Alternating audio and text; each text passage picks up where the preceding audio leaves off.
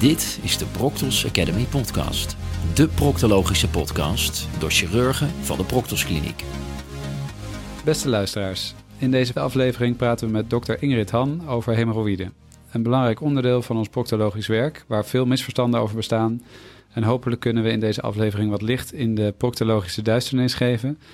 Ehm, Ingrid is opgeleid in het Erasmus MC en het Zuiderziekenhuis, wat nu het uh, Maastad ziekenhuis is.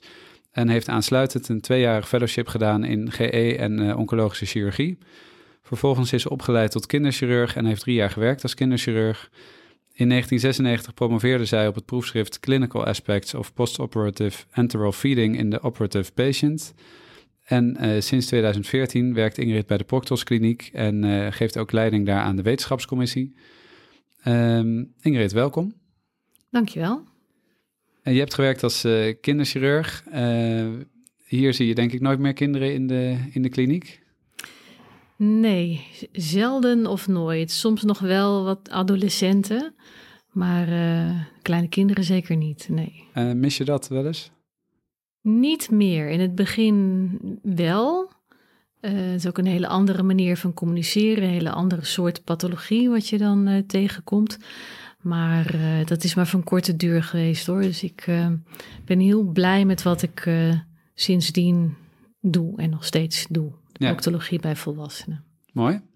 En uh, nou, je, je bent het hoofd van de wetenschap hier. Uh, hoe, is dat, hoe is het eigenlijk gesteld met wetenschap in de proctologie in het, in het algemeen? Het gaat steeds beter. Het is heel lang een ondergeschoven kindje geweest.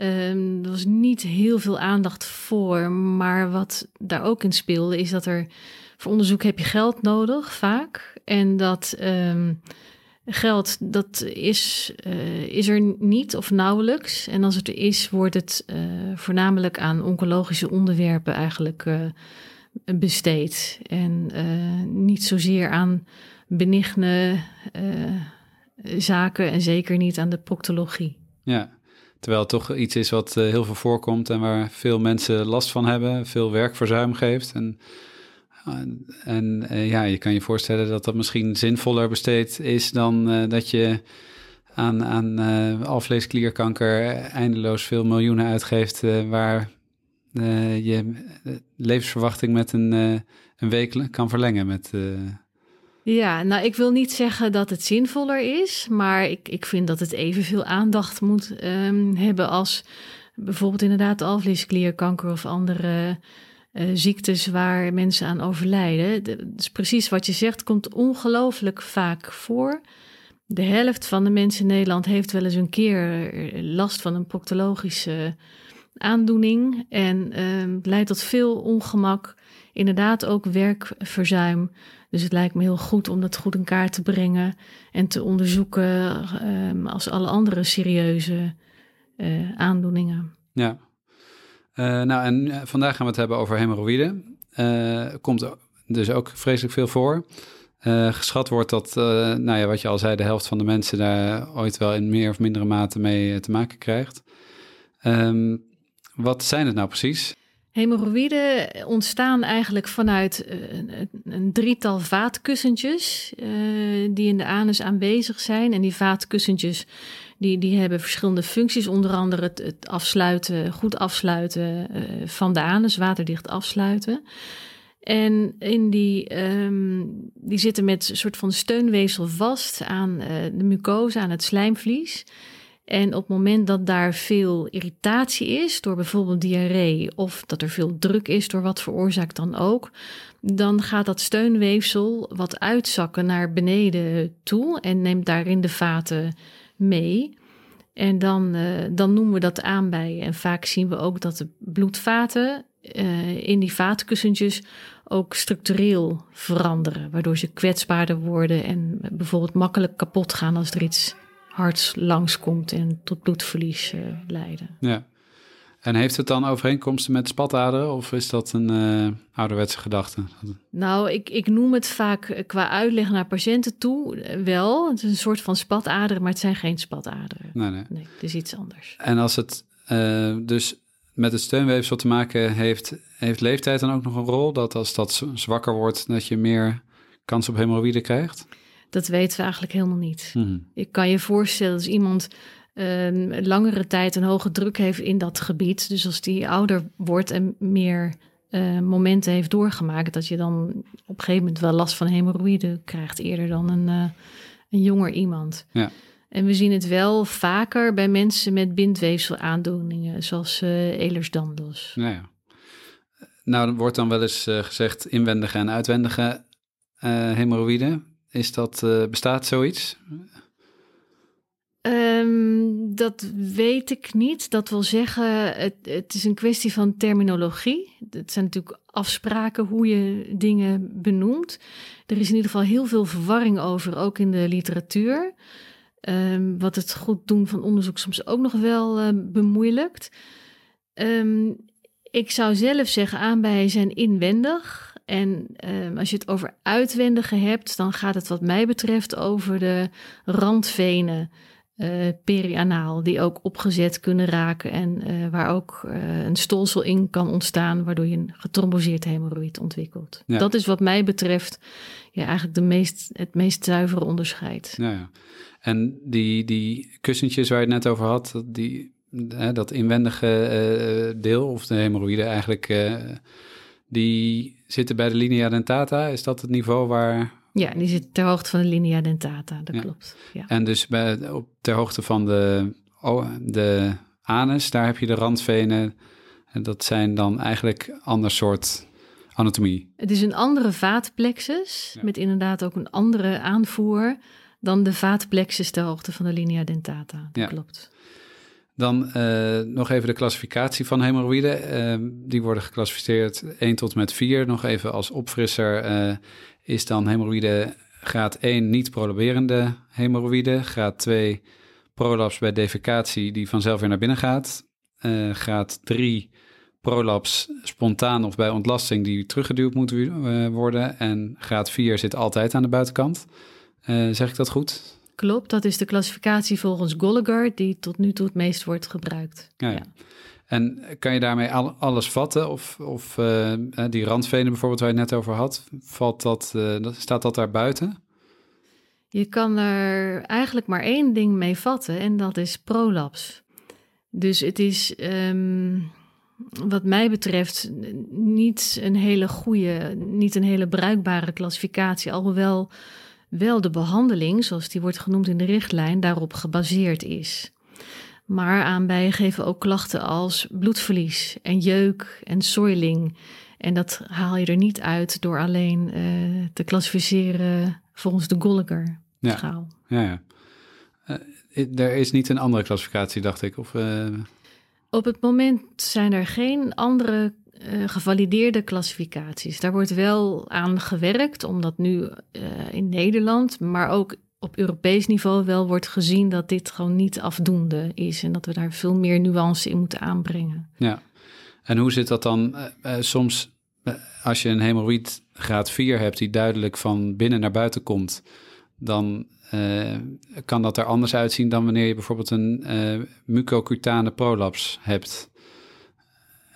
Toch? Of zou je zeggen dat is een beetje hetzelfde? Het is niet hetzelfde, maar de klachten zijn vaak wel hetzelfde en de behandeling is ook vaak hetzelfde. Nou ja. En dan heb je natuurlijk nog skin tags. Dat eh, wordt ook wel eens verward met hemorroïden, maar dat uh, is een, iets anders dan een hemorroïd. Uh, wat kunnen we daarover zeggen? Dat is iets anders dan een hemorroïd inderdaad. Um, we zien het vaak als een, een rest van een hemorroïd. Dus iemand die hemorroïden heeft of klachten daarvan heeft gehad met, met prolaps. En um, door aanpassen van levensstijl bijvoorbeeld daar op een gegeven moment geen last meer van heeft. Uh, dan is die huid wel uitgerekt geweest en dat blijft over als uh, wat overtollige huid, een skin tag of een mariske ook wel genoemd. Ja. Ik moet zeggen dat je het ook wel ziet bij mensen die wat ouder worden zonder dat die een historie hebben van, uh, van aanbijen. Ja, ja. en getromboseerde hemorroïden, dat zijn dus, als ik je net zo hoor, eigenlijk getromboseerde randvenen. Voor het merendeel, voor het overgrote merendeel wel, alhoewel inwendige hemorroïden ook kunnen tromboseren. Maar dat, dat, is, dat komt heel zelden voor eigenlijk. Ja. Dan uh, iets over de etiologie. Wat zijn nou de, de uh, grootste risicofactoren voor hemorroïden? Ja, samenvattend chronische irritatie in dat gebied. Dus je ziet het vaak bij mensen met diarree, maar ook bij mensen met uh, persgedrag bij obstipatie. Of bij mensen met uh, een hoge druk in dat gebied door bijvoorbeeld een bekkenbodemhypertonie. Bij mensen die veel hoesten. Bij bepaalde sporten. Uh, militairen die vaak veel tillen. Um, en dat is dan druk? Uh, dat is druk, uh, inderdaad. Abdominale druk. Abdominale druk, dus dan is ook uh, obesitas een risicofactor. Ja, en zwangerschap? Zwangerschap ook. En bevalling ook. Alhoewel je vaak ziet dat daarna die klachten ook weer afnemen, dan wel verdwijnen. Ja. De eerste maanden na een bevalling. Ja, ja. Um, nou, dan de anamnese. Wat, wat is daarin uh, belangrijk? Ja, wat mij betreft vier zaken. Dus um, is er sprake van prolaps, is er sprake van bloedverlies, van jeuk of van soiling. En waarvan heeft de patiënt zelf het meeste last? Um, en je noemt uh, jeuk en soiling. Is, um, ontstaat jeuk niet altijd door soiling? Is dat dan niet eigenlijk het, uh, als je jeuk hebt, dat je ook soiling hebt? Of kan je ook jeuk krijgen zonder soiling? In geval van aanbijen is de jeuk meestal uh, door soiling. Dus dat een, een deel van die aanbij naar buiten toe komt. Um, die is natuurlijk bedekt met slijmvlies. Dat geeft slijm af en dat is heel irriterend voor de ruit uh, rondom. Ja. Vervolgens gaan mensen krabben, wat die huid weer gevoelig en vatbaar maakt voor secundaire huidafwijkingen zoals eczeem, wat ook weer jeuk geeft. En zo komen ze op een gegeven moment in een visueuze cirkel terecht. Ja, ja. En pijn? Pijn meestal niet. Meestal niet. Als er sprake is van pijn, dan denk ik eigenlijk meteen van, nou is er niet sprake van ook nog wel een fisuur in dat gebied? Je ziet dat toch ook wel regelmatig samengaan. En is er niet sprake van een uh, sphincter- of bekkenbodemhypertonie. Ja, en zijn er, um, kan je wel pijn hebben van hemorrhoïden? Eh, of, of is dat dan geen pijn, maar een zwaar of drukkend gevoel? Is dat iets wat je wel kan, uh, waar patiënten mee kunnen komen? Of zeg je van pijn hoort gewoon niet bij hemorrhoïden? Het hoort niet bij hemorrhoïden, tenzij er sprake is van een getromboseerd hemorrhoïd. Dat is inderdaad heel pijnlijk. Gewone hemorrhoïden doen eigenlijk geen pijn, tenzij gepaardgaande met zo'n bekkenbodemhypertonie. Dus continu aanspannen van, uh, van de bekkenbodem, dat geeft pijn, ja. maar niet hemorrhoïd aan zich. Oké. Okay. En dan, uh, wat misschien ook een beetje bij de anamnese hoort, uh, schaamte. Is dat iets wat uh, een vertraging geeft in de behandeling? En, en hoe, hoe moeten we daarmee omgaan? Ja, schaamte speelt de, ja, bijna bij iedereen wel een rol. Bijna iedereen geeft aan eigenlijk wel heel lang al last te hebben. Maar je gaat er niet zo snel mee naar de dokter, zeggen ze, of je hebt het er niet zo over. Um, het is ook allemaal niet zo heel, heel erg. Uh, je gaat er niet dood van. En het zal wel weer overgaan. Dat is eigenlijk de algemene gedachte daarover. En als het echt niet overgaat, als mensen hebben er echt te veel hinder van. En um, um, dat kan best wel ver gaan hoor. Dat mensen hun, werk of hobby's uh, eigenlijk niet meer goed kunnen uitvoeren en zich gaan isoleren, ook sociaal gezien. Dan nemen ze de stap om naar de huisarts te gaan. Ik heb het idee dat dat iets meer is bij oudere mensen dan bij jongere mensen.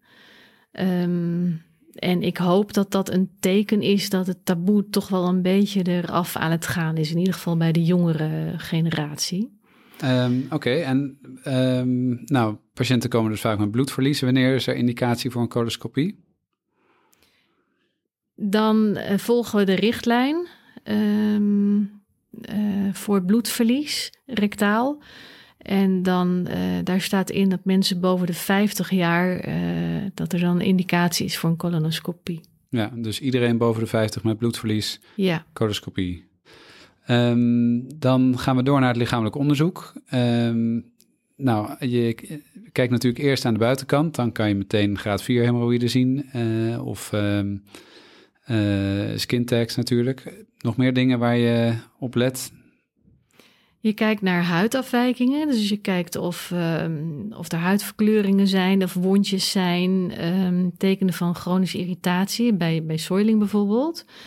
Je kijkt inderdaad wat je zegt, uh, of er sprake is van skintex of, uh, of uitwendige uh, aanbijen.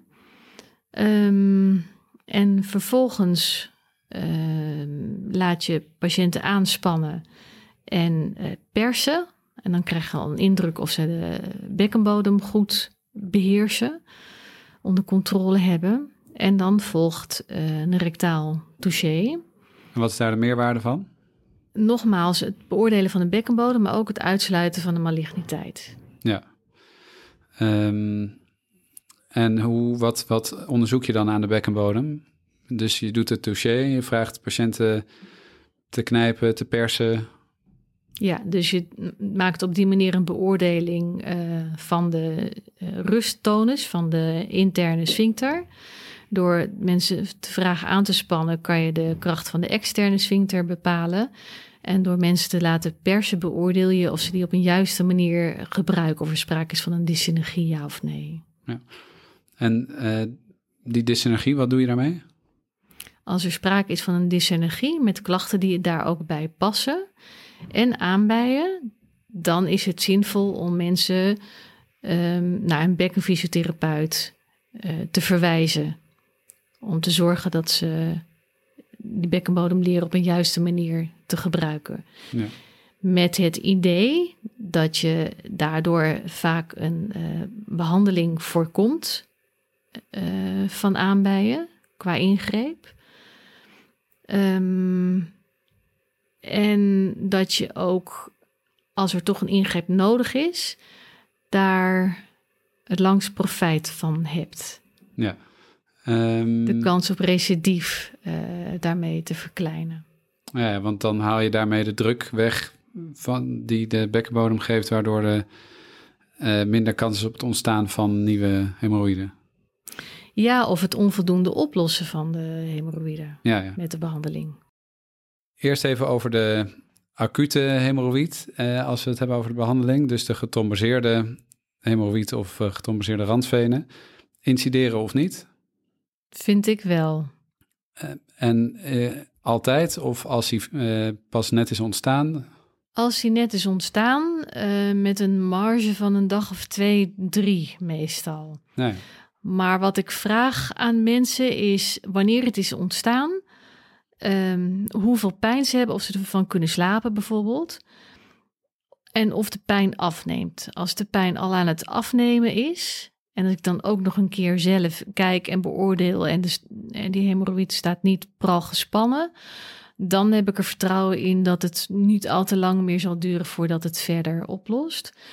Als dat niet zo is, dan heeft wat mij betreft wel meer waarde om onder lokale verdoving uh, te incideren en het stolsel, er, stolsel eruit te halen. Ja, dus dan geef je een klein prikje Lido, incisie ja. eroverheen en dan, ja. dan pers je hem eigenlijk uh, of dan... Hem eruit. Ja.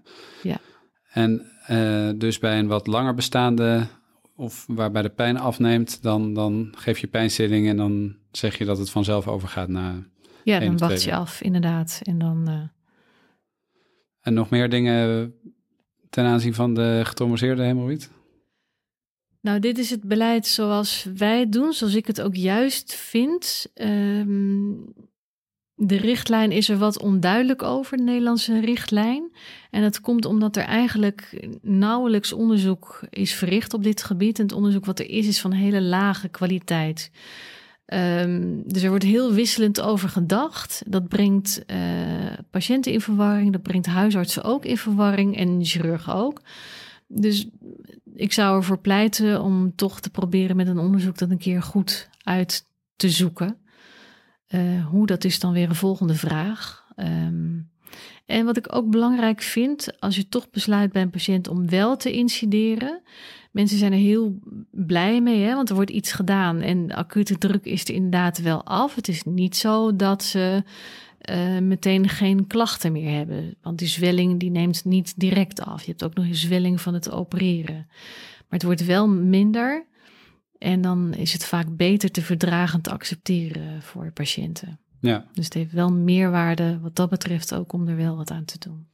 En als, uh, stel je, je incideert het, de patiënt die uh, gaat weer naar huis, herstelt daarvan. Is het dan altijd nodig om aanvullend nog weer diagnostiek te doen en behandeling van hemorroïden? Of kan het ook gewoon een geïsoleerde randvene zijn die getromboseerd is en waar je nooit meer een proctologische behandeling later voor hoeft te doen? Ja, dat kan inderdaad. Maar als iemand een historie heeft van toch wel vaker anale klachten, uh, of wel vaker uh, stolsels in dat uh, gebied, of, of, pijn of branderigheid, dan laat ik mensen wel na een aantal weken, als ze geen last meer hebben van het getraumaseerde hemorrhoïd, terugkomen, om dan gewoon een goed proctologisch onderzoek te doen. Op het moment dat ze zo'n stolsel hebben, is dat veel te pijnlijk, is dat niet goed te beoordelen. Nee. Oké, dan uh, dat over de acute hemorroïd. Dan gaan we nu verder met de, de, de, de normale hemorroïden of de, de, de, niet de getraumaseerde hemorroïden. Um, en dan de behandeling daarvan. De eerste stap, uh, denk ik, conservatief in de, in de zin van dieetadviezen, wc-adviezen. Wat is daarin belangrijk? Um, het belangrijkste is dat mensen niet persen als ze naar het toilet gaan en ook niet te lang blijven zitten.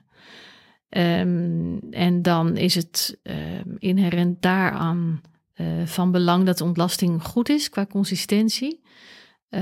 niet te hard, want dan moet je altijd persen. Niet te zacht, want dan voel je, voel je het vaak niet uh, goed genoeg om volledig ontlasting kwijt te raken.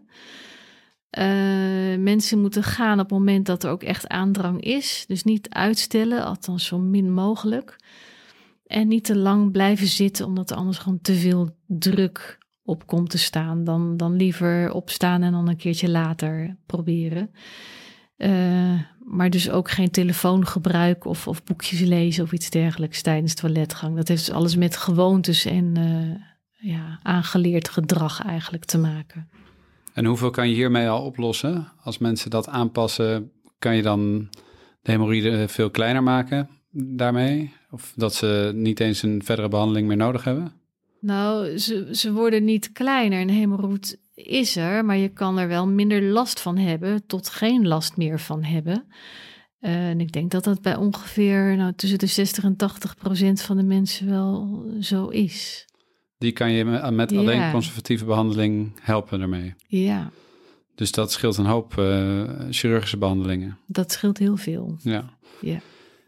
Dan uh, Sperti en andere zalfjes. Dat helpt toch eigenlijk allemaal uh, niet echt wat? Nou, dat wil ik niet zeggen. Het, het is niet iets wat, wat wij als chirurgen voorschrijven. Maar en als je kijkt wat erin zit, zijn het wel vaak middelen die wat um, comfort geven, die de klachten wel verzachten. Nou, dat is natuurlijk prettig als je minder last hebt. Dus in die zin. Dus uh, meer symptoombestrijding dan oorzaakbehandeling. Ja, zeg ik wel tegen mensen, als, als dat goed helpt, als u dat prettig vindt, blijft dat vooral uh, prima. Dan heb ik er geen bezwaar tegen, dan is dat goed. Ja, en flebotonica en uh, flavonoïden, daflon en zo? Zijn wij in Nederland niet zo gewend, maar in uh, de zuidelijke landen wordt dat veel vaker gebruikt. Um, dat doet het bloedingsneiging afnemen. Want wat is het precies? Wat doet het? Uh... Het is een middel wat de vaatweerstand verhoogt. Waardoor die um, vaten in de mucosa wat, wat steviger worden en niet zo kwetsbaar zijn. Mm -hmm. Maar dat gebruiken we dus niet veel. We gebruiken het niet veel. En zouden we dat meer moeten doen? Of zeg je van het heeft niet heel veel toegevoegde waarde? Daar, dat durf ik niet zo te zeggen. Oké. Okay. Um, nou, dan de, de rubberbandligatie. Dat is denk ik in Nederland de meest ge, gebruikte behandeling voor, voor hemorroïden. Uh, wat, wat zijn daar nou de indicaties voor? Volgens de richtlijn doe je dat bij graad 2 en bij graad 3 hemorroïden, dus volgens die Gallagher-klassificatie. Uh, um, daar ben ik het ook wel mee eens, als dat tenminste niet uh, uh, met conservatieve uh, maatregelen verbeterd is. Um, en ik vind dat de bekkenbodem in orde moet zijn. Dus niet doen bij iemand met een hypertone bekkenbodem. Dan is dat ook gewoon heel pijnlijk. Hebben ze veel last daarvan ook daarna. En de vraag is of het dan ook voldoende werkzaam is. Uh, maar dan is dat een prima behandeling voor graad 2 of graad 3, wat mij betreft. Dus, dan, uh, dus de eerste stap is dan die conservatieve behandeling. Dan kijk je hoeveel klachten er overblijven. En dan de, ja, de bekkenfysio, dat is dus ook uh, afhankelijk van of mensen hypertonie hebben. Iets wat je daarvoor probeert. Ja. Hoe lang geef je dan de, dat de tijd, die conservatieve behandeling, voordat je zegt, nou, het, we gaan toch maar de RBL doen? Er staat niet echt een tijd voor hoor, maar ik zou er zeker een maand of drie voor uittrekken. Want mensen moeten vaak ook hun, hun gedrag aanpassen. Dat, dat kost ook tijd. Ja. En hoe doe je een goede RBL? Waar plaats je die elastiekjes? Is dat, uh, uh, je ziet vaak op, op tekeningetjes dat er het om een hemorroïd heen geplaatst wordt. Uh, soms hoor je wel mensen zeggen, je plaatst het daarboven, dat je de boel omhoog trekt. Uh, hoe kijk jij er tegenaan? Ja, je plaatst het net boven het hemorroïd. Uh, want de bedoeling is dat je de, de, het aanvoerende vat eigenlijk in je rubberbandje meeneemt, waardoor je de bloedtoevoer naar die aanbij afsluit. En op die manier, doordat het slijmvlies ook wordt aangezogen en in die ligatuur, het is een soort van ligatuur, terechtkomt, trek je het inderdaad ook wel wat naar binnen toe. Ja, en um, als een patiënt pijn heeft na RBL, uh, hoort dat erbij of gaat er dan wat mis?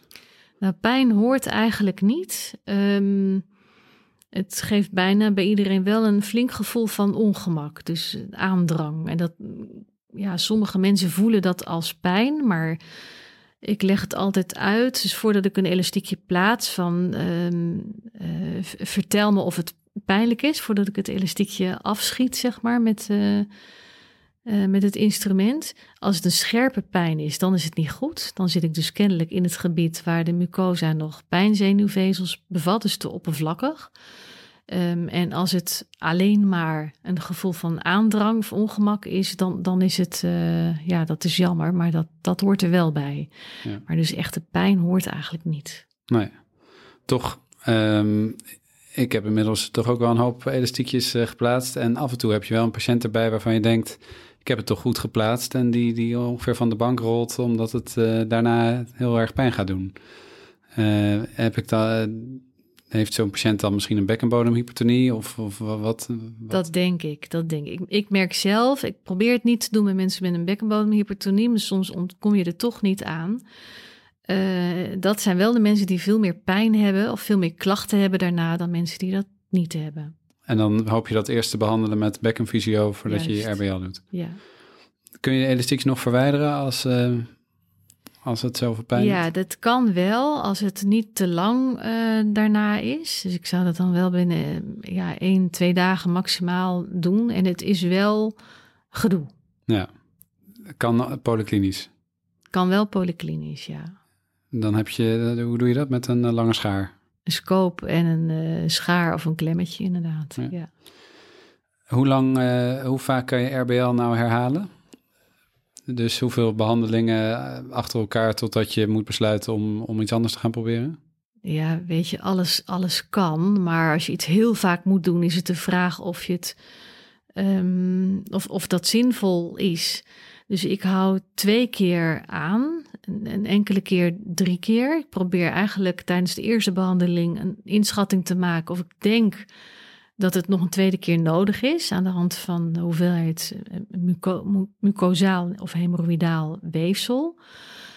En na twee maanden spreek ik mensen weer, al dan niet telefonisch. En dan wil ik wel horen dat er een verbetering is. Hebben ze geen klachten meer? Prima. Is er een verbetering, maar er zijn nog wat restklachten? Dat is voor mij reden om het dan nog een keertje te doen. Maar vertellen ze van ja, maar het heeft eigenlijk helemaal niks geholpen ja, dan, dan, uh, dan is het de vraag of je het nog een keer moet herhalen. Wat doe je dan? Dan beoordeel ik mensen nog een keer. Is er dan toch nog sprake van een hypertonie of iets anders, wat ik de eerste keer niet heb uh, gezien of, of gemerkt? Um, en wat een andere mogelijkheid is, is bijvoorbeeld sclerotherapie. Mm -hmm. Ja, want dat is eigenlijk de, de andere polyklinische behandeling die we veel toepassen. Wat is daar de indicatie voor? Um, dat is sclerotherapie is eigenlijk een hele oude methode die heel lang geleden al werd geïntroduceerd, toen heel populair was en toen een beetje onbruik is geraakt en nu recent is het weer in opkomst, omdat het eigenlijk toch wel heel goed helpt en het heel weinig uh, klachten geeft voor uh, patiënten daarna. En wat is de indicatie? Graad 2 hemorroïden. Um, graad 3 doe ik het ook wel eens voor. Um, maar om te bekijken hoe effectief het is en of het hetzelfde effect heeft of misschien wel beter is dan uh, rubberbandjes, wordt op, op het moment onderzocht in een uh, multicenter trial vanuit het Flevo ziekenhuis. Ja, en daar, die loopt nog. Daar... En die loopt nog, ja. Um, hoe doe je zo'n sclero? Um, inbrengen van een proctoscoop. En eigenlijk op dezelfde plek waar je ook de rubberbandligatie zou doen, dan een injectie um, met een naald met etoxysclerol 3%. 2 tot 4 cc. Ja, en dan um, op de drie pijlers, of doe je het... Uh, op de plek, plek, van de aanbijen. Ja, ja dus je, hoeft, je doet het niet rondom, je doet het alleen, waar je de, de, ja. de hemorroïden ziet. Ja. En wat is je gevoel daarbij van de effectiviteit ten opzichte, uh, ten opzichte van RBL? Dat is gevoel, hè? Ja. Ik vind het, ik ben het sinds het starten van die trial ook wel vaker gaan doen. Ook bij, bij mensen die niet aan de trial uh, willen meedoen, om wat voor reden dan ook.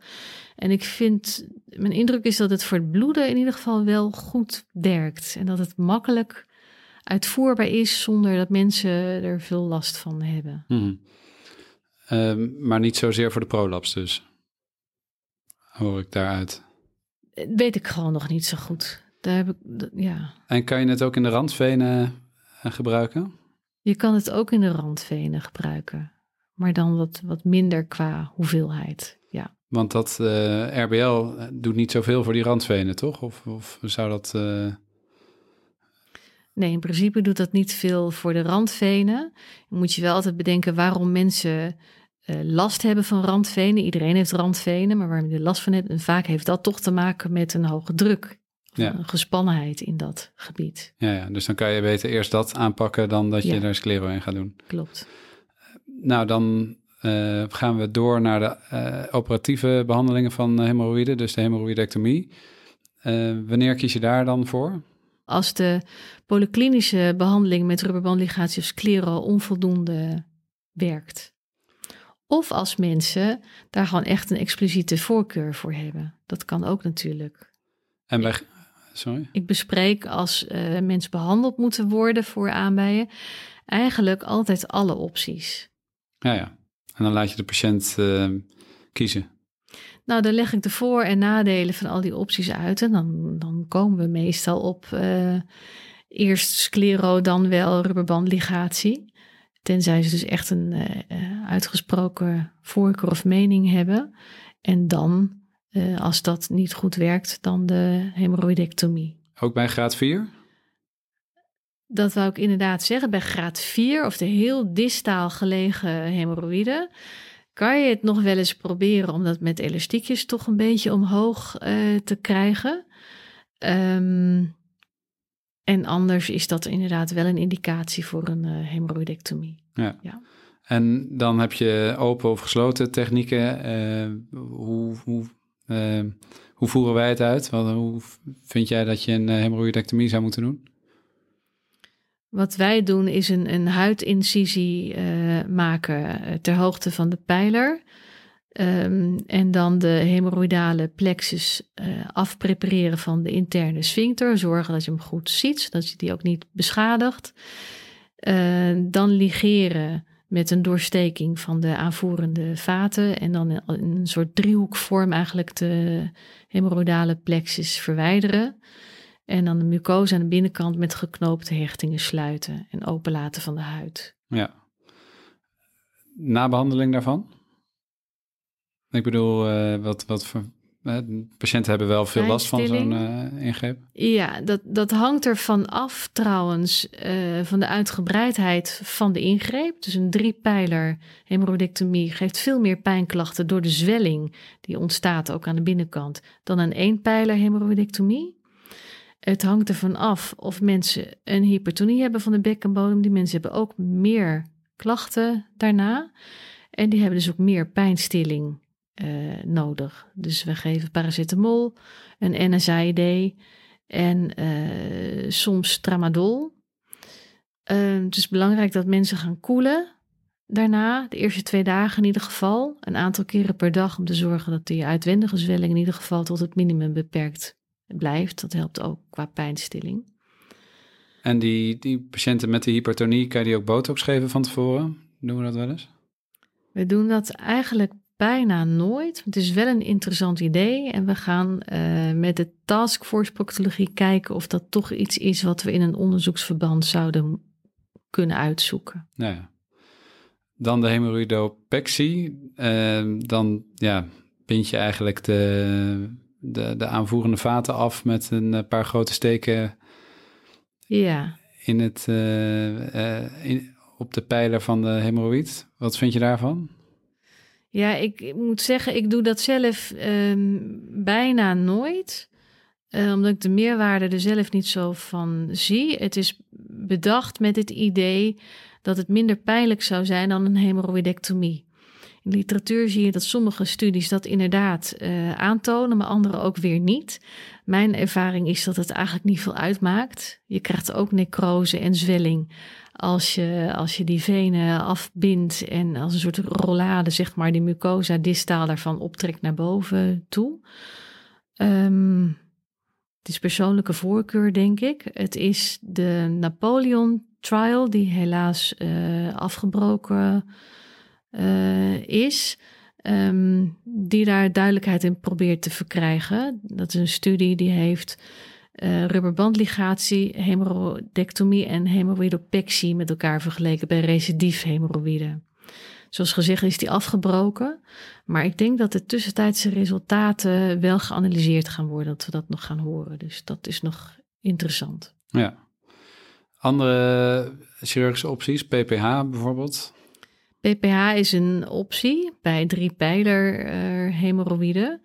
Wat mij betreft uh, niet bij te distale hemorrhoïden, omdat je dan, uh, je moet met die PPH echt eh, boven de linea dentata zitten. Als uh, die stepelenrand ter hoogte van linea dentata terechtkomt, dan geeft dat kans op stenose, structuren en vooral heel erg veel pijn. Um, maar dan heb je kans dat je meer, wat meer distaal gelegen hemorrhoïden niet pakt met je PPH en alsnog een hemorrhoidectomie of iets anders moet doen. Um, dat vind ik persoonlijk jammer. Um, en verder denk ik dat het een methode is die vooral gedaan moet worden door iemand die dat goed kan en vaak doet. Hmm. Ja. En zijn er dan nog meer dingen uh, laser, uh, elektrische apparaatjes, uh, pakravan methode, andere dingen die we die aanvullende waarde hebben wat jou betreft? Weet je, het is eigenlijk allemaal een beetje meer van hetzelfde. Het zijn allemaal methodes eigenlijk om die bloedvaten te ligeren. Um, ik vind eigenlijk dat we de methode die we nu hebben, dus de RBL, de sclero en de hemorrhoidectomie, dan wel gewoon eens goed moeten, moeten vergelijken met elkaar. En moeten kijken bij wat voor soort klachten we welke ingreep nou het beste kunnen doen. En wat de patiënt daarin ook het meest uh, bevalt. Voordat we met allerlei andere nieuwe methoden gaan aankomen. Ja, dus daar gaan misschien die tussentijdse uh, resultaten van Napoleon wat over zeggen? Ja, voor een deel wel. En we hebben ook de Holland Trial gehad. Die is ook helaas moeten stoppen. Die vergelijkt uh, rubberbandligatie met hemorrhoidectomie. Dat gaat wat antwoorden opleveren. Die TROS Trial met sclerotherapie gaat antwoorden geven. En verder hoop ik ook dus dat we naar een ander soort klassificatie toegaan van hemorrhoïden. Um, waardoor we wat meer patiëntgericht en klachtgericht kunnen gaan uh, behandelen. Ja, dus dat, uh, dat volgt allemaal binnenkort. De, de komende jaren. Ja, nou, spannend. Oké, nou dan zijn we uh, bijna aan het einde van, van deze aflevering. Um, is er nog iets wat je wilt toevoegen aan wat we uh, besproken hebben? Of iets wat de luisteraar moet onthouden van, van of, het belangrijkste wat we besproken hebben? Nou, wat ik hoop, we hebben natuurlijk heel veel dingen besproken, um, dat duidelijk is dat toch proctologie um, genuanceerd is.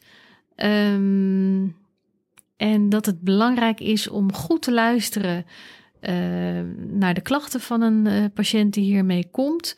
Om een goede aanpak voor te stellen. De patiënt daar ook in mee te nemen. Dat is ook de adviezen opvolgen.